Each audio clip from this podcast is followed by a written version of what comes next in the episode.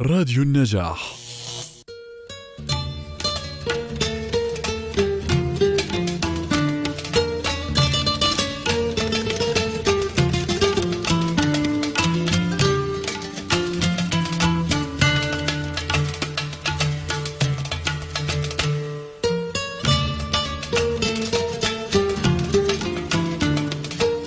الأندلس تلك الرقعة التي تحمل مساحة بارزة في الذاكرة. مساحة بعيدة عن النسيان. تنزل من النفس منزلة النغم الحلو من أذن الموسيقار. هي رمز الجمال ومفخرة التاريخ وجديرة بالحب. ترمز إلى عبقرية العرب في الخلق والإبداع. عبقرية أنتجت لنا المعرفة الإنسانية وأبدعت حضارة مختلطة بالألوان.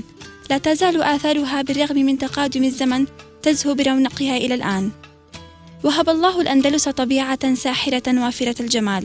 جبال خضراء وسهول جميلة وتغريد الطيور على أفنان الأشجار.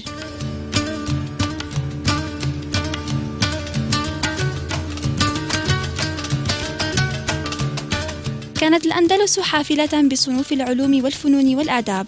ازدهر فيها الشعر والنثر وتألق الفن. وغست قرطبة وطليطلة وإشبيلية بالمدارس والمعاهد وخزائن الكتب. وزخرت البلاد برجالات العلم والفلسفة والغناء. فقد هرع إليها العلماء من كل حدب وصوب. يحملون كتبهم وأسفارهم ويحاضرون بمعارفهم وآدابهم.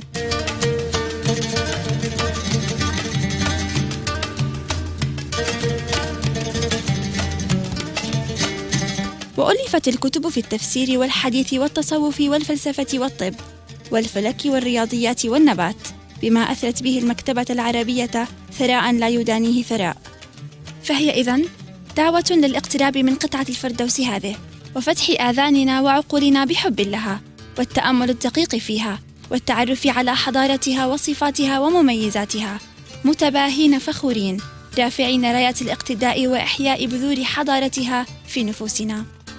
وبالتأكيد أننا سنحبها أكثر لو عرفنا أن كلمة الأندلس هي كلمة عربية خالصة لم يستعملها الإسبان ولا البرتغاليين ولا العالم الأوروبي بكامله.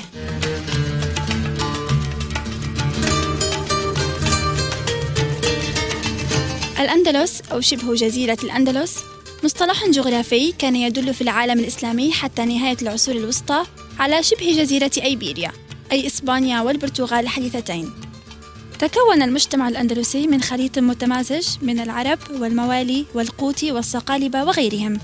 كان العرب في البداية الفتح قلة بالقياس مع العناصر الأخرى ثم أخذت أعدادهم تتكاثر وتنتشر في أنحاء شبه جزيرة الأندلسية بفعل الاستيطان والتوالد بالمهاجرين العرب الذين أخذوا يرحلون إليها أفواجا بعد الفتح الإسلامي.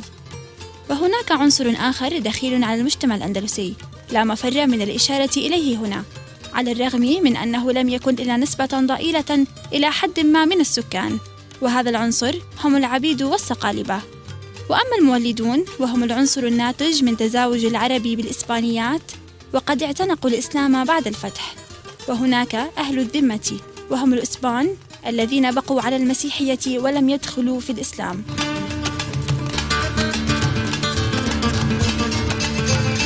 انقسم السكان في الأندلس إلى عدد معين من الطبقات الاجتماعية على غرار ما حدث في بقية العالم الإسلامي. وهكذا امتزجت كل هذه العناصر والأجناس المختلفة الأصول بعضها ببعض. امتزاجا تسرب في عقولهم كما تسرب في دمائهم. وكانت لهم نزعة عقلية جديدة ساعد على تكوينها بالإضافة إلى عملية الامتزاج بيئة طبيعية غنية حافلة بشتى المناظر وصور الجمال. وإيقاع واجد في الحياة. وكان من أثر ذلك كله أن أصبحت لهم مميزات عقلية خاصة وصفات لم تكن لغيرهم من العرب الخلص.